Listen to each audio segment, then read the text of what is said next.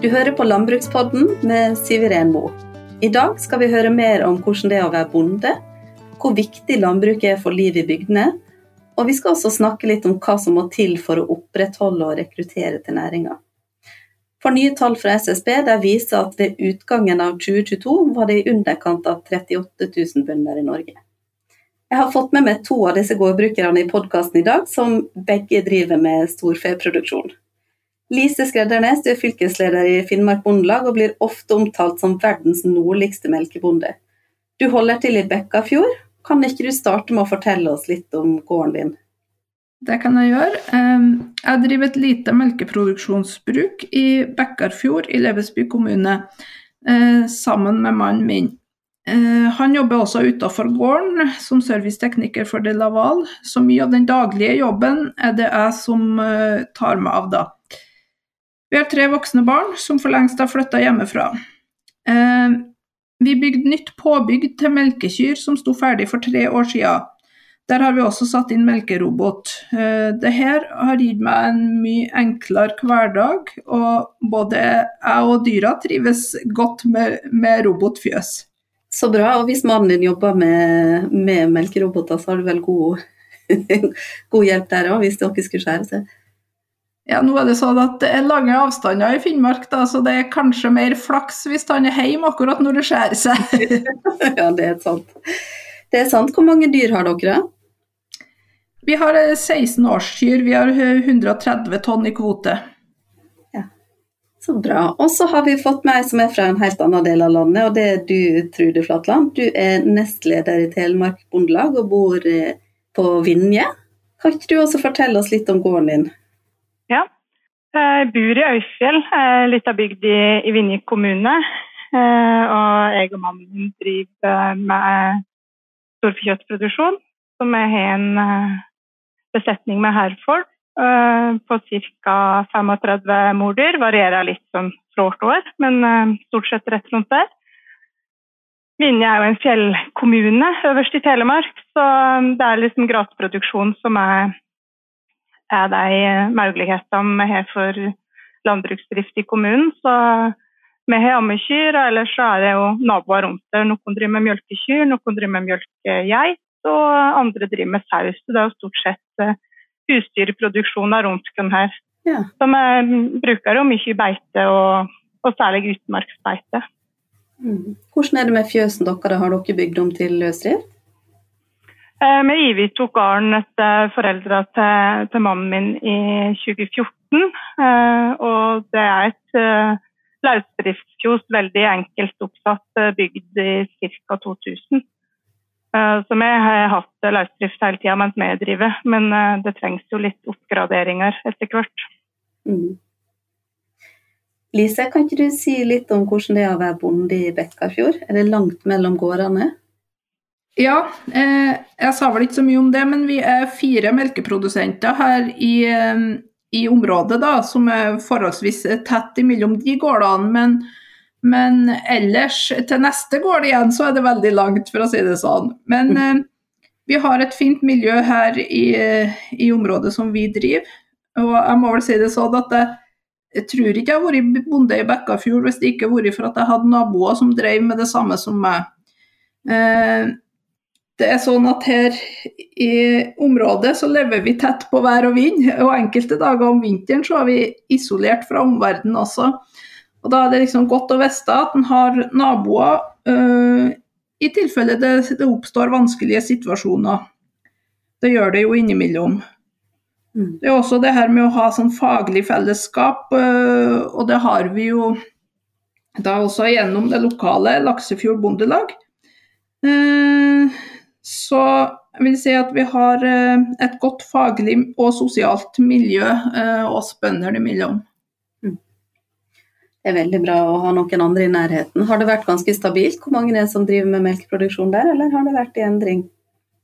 Akkurat her i området så har det vært stabilt så lenge vi har drevet vårt bruk nå i eh, snart 22 år. Eh, og i den tida har det faktisk vært stabilt. Eh, men som sagt så er vi jo bare fire melkebruk i kommunen, men alle er fremdeles i drift da. Så det er bra. Ja, det er veldig bra. Men dere da, tror dere det er langt mellom gårdene der?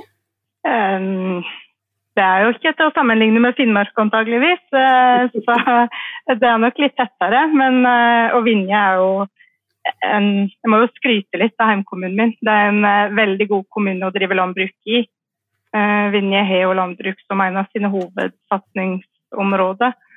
Så det er, det er ganske greit med bønder i Vinje, selv om det har vært ganske stort frafall.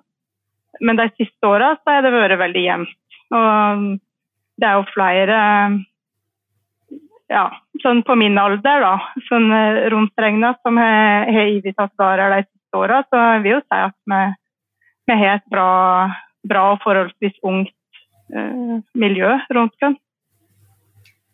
I forbindelse med disse nye tallene som kom, så var jo lederen i Bondelaget ute og sa at uh, utviklinga over lang tid har gått én vei, og det går, jo nedover. At det blir stadig færre bruk, selv om, altså selv om det har bremsa litt opp.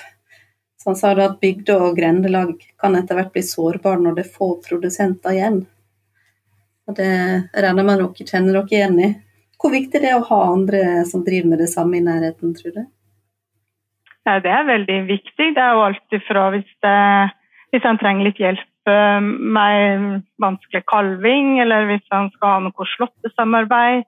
Skal du bestille flis, halm, så kan det jo være greit å, å, gjøre det sammen med andre for å få litt uh, bedre tilbud på frakt. Eller det er jo mange ting som uh, blir samarbeida om i, i bygda og i, i, kommunen, slik sett. Så um, det er veldig viktig. Og bare det å ha noen å å ringe til. Kanskje en dag det går litt trått, så, så vet de andre bøndene litt hvordan det går. Det er ikke så lett å, å få innsikt i, i bondehverdagen hvis du ikke er bonde sjøl. Jeg tror det er litt vanskelig for andre å, å sette seg inn i.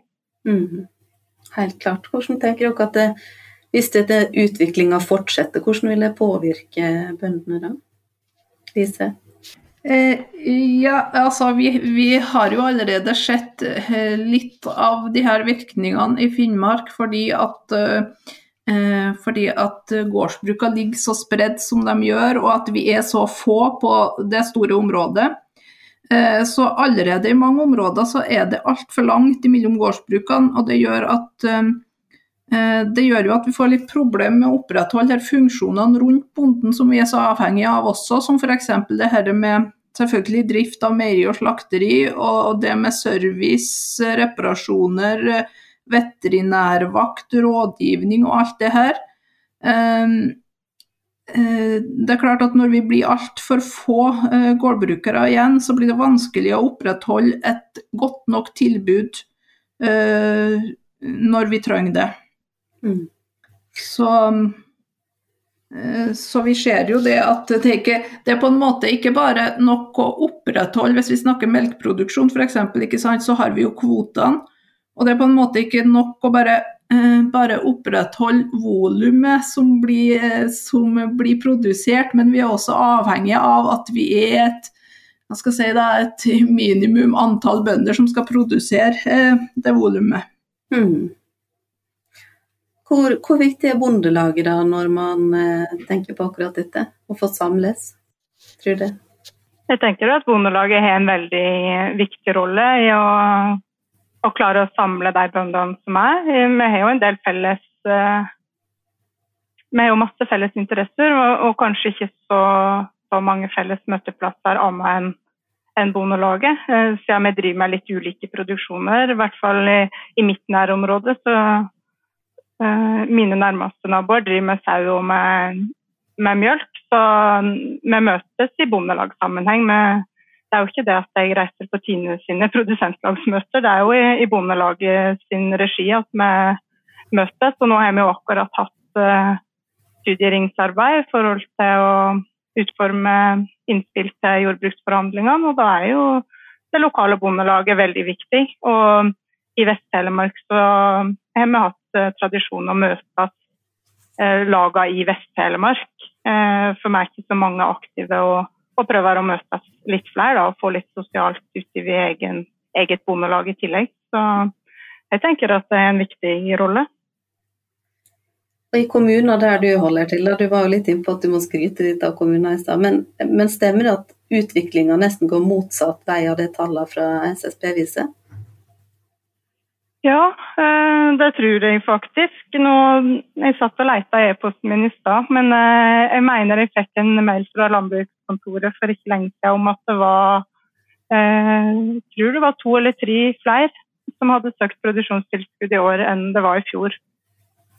Kommunen har jo noen satt av en del midler til landbruk, så vi har noen egne kommunale tilskudd vi kan søke på, som er ganske bra. Både hvis det er bygging, både nybygg og ombygging og, og restaurering. Og er det som kanskje er størst og blir mest bruka og, og, har mest verdi for bonden, er jo et nydyrkingstilskudd som er, er, ganske bra i kommunen. Ja. Hvor mye snakker vi om da? da?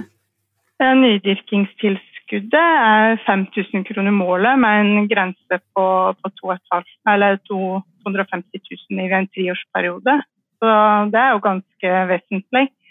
Og um, både meg og andre har jo benytta oss av det å, å fenge dyrka opp litt mer jord nærmere gården.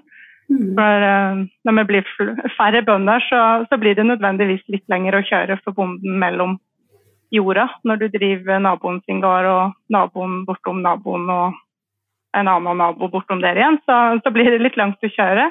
Så vi prøver jo å dyrke det vi kan så nærme fjoset som mulig. Og med et slikt tilskudd fra kommunen, så er det jo ikke så mye du trenger å, å koste sjøl for å få dyrka, i hvert fall eh, i mitt tilfelle, som er veldig heldig og har lite stein. da. Så blir det, blir det billig å dyrke nytt. Eh, og det hadde vi nok ikke gjort hvis ikke vi hadde hatt det ekstra tilskuddet for kommunen. Vet du om det er tilsvarende tilskudd i andre kommuner, hva det ligger på der? Eh, jeg har snakka med noen eh, bondevenninner i, i Østerdalen bl.a. Der er det vel 500 kroner eller ingenting, tror jeg. Så vi er jo en veldig særstilling der, da. Og er i forhold til nybygging og, og, restaurering, så kan kommunen bidra med tilskudd på inntil 600 000. Ja.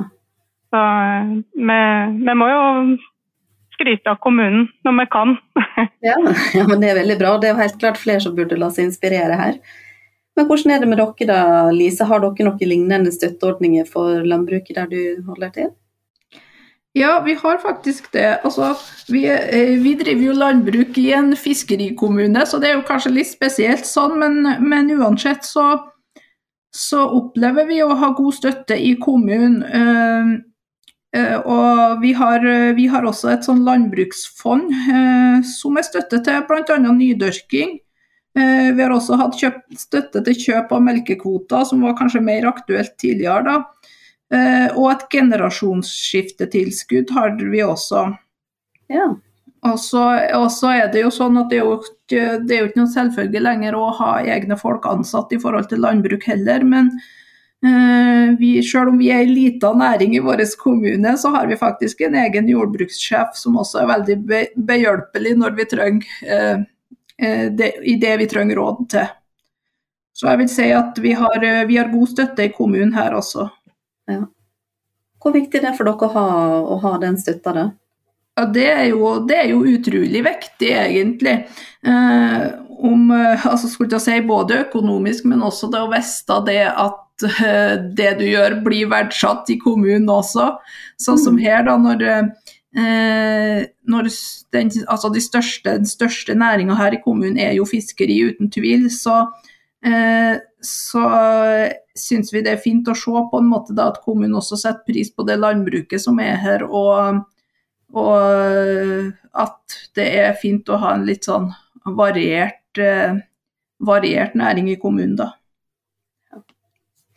Men det er ikke bare sånne tilskudd og støtteordninger som er avgjørende for å kunne drive gård. Du var litt inne på det i stad, Lise, dette med å ha, ha, tilgang på alt fra veterinær til service og alt sånt. Hvordan er det med meieri? Har dere et meieri i nærheten som dere leverer melka til? Ja, det spørs hva man kaller nærheten, da. I våre øyne så er det jo det. Vi leverer altså til meieri i Tana. Eh, det er, det er en 12-13 mil herifra. Eh, det er sånn at det er to meieri i Finnmark. Det er ett i øst som er Tana, og så er det Alta i vest.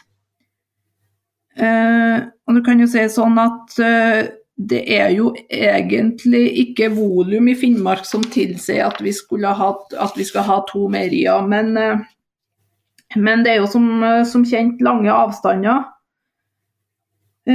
sånn at at hittil har man sett på det som nødvendig, da. Uh, ellers så opplever vi også at det er stor engasjement blant befolkninga også for å, for å, ha de tineanleggene. Uh, og jeg tenker at det har stor betydning for meg som bonde også, da, at, uh, at vi at, at Tine er synlig da, i nærmiljøet.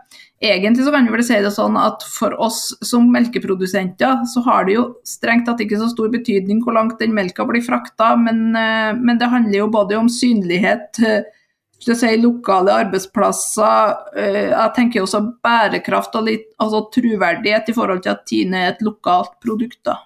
Ja. Ja, for det, det, akkurat dette med arbeidsplasser er jo ganske viktig. For landbruket skaper jo mer enn 80 000 arbeidsplasser over hele landet. Og det er den største fastlandsindustrien i Norge. Så arbeidsplassene blir jo skapt ikke bare på gården, men det er jo alt som er egentlig er tilknytta gårdsdrifta, som slakteri og meieri og transport og veterinær og ja, det er lang liste med ting. Hvor, hvor viktig tenker du at landbruket er for å holde liv i bygdene, tror du?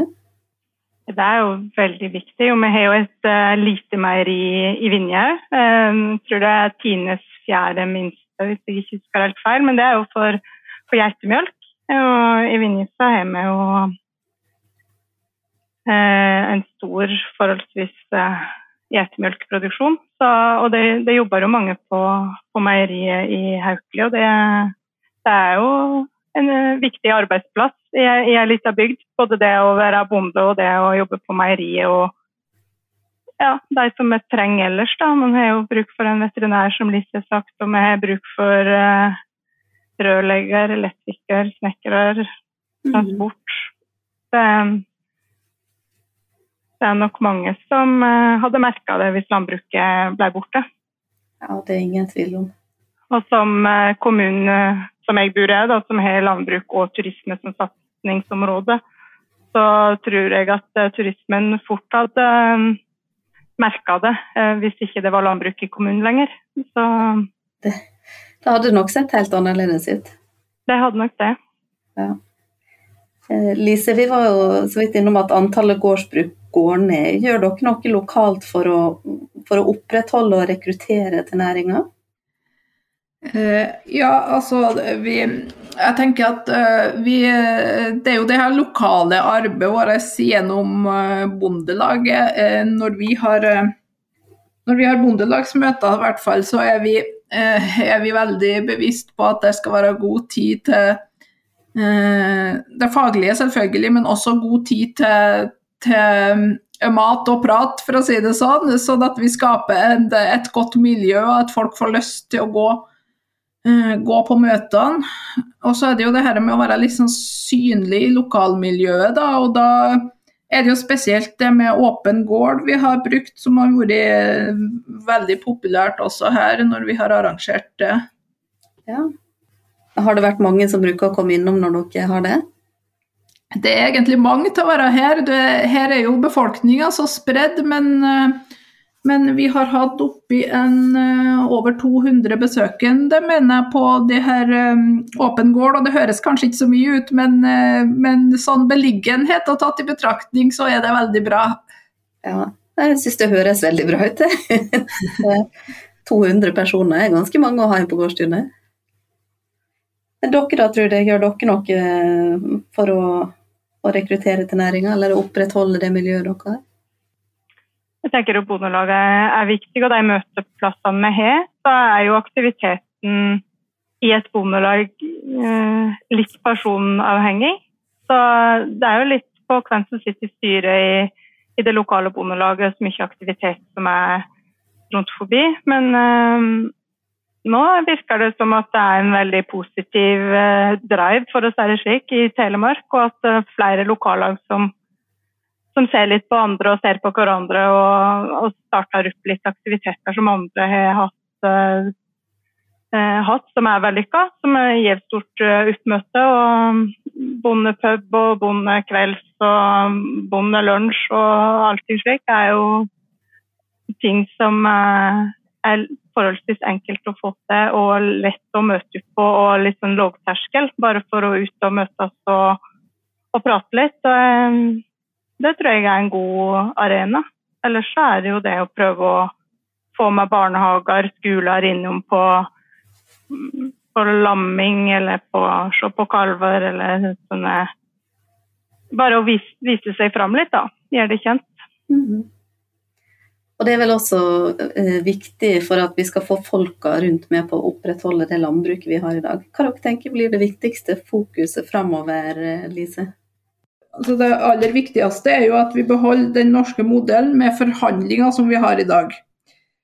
Eh, jeg tenker også det er viktig at vi framsnakker næringa, sånn at den framstår som en attraktiv næring å jobbe i. Så er det jo ingen tvil om at inntektene må opp i næringa. Eh, og det er jo, vi har jo flere forskjellige virkemidler for å få opp eh, inntektene i næringa, men da må jo også importvernet eh, på plass. Eh, og vi må ha gode markedsreguleringsordninger. Og du da, Trude, har du noen satsingsområder du tenker er ekstra viktig? Jeg kan jo ikke annet enn å si at jeg er enig med, med Lise i det som hun trekker fram. At, eh, at inntekter må, må, bedres for at det skal være et attraktivt yrke å drive landbruk.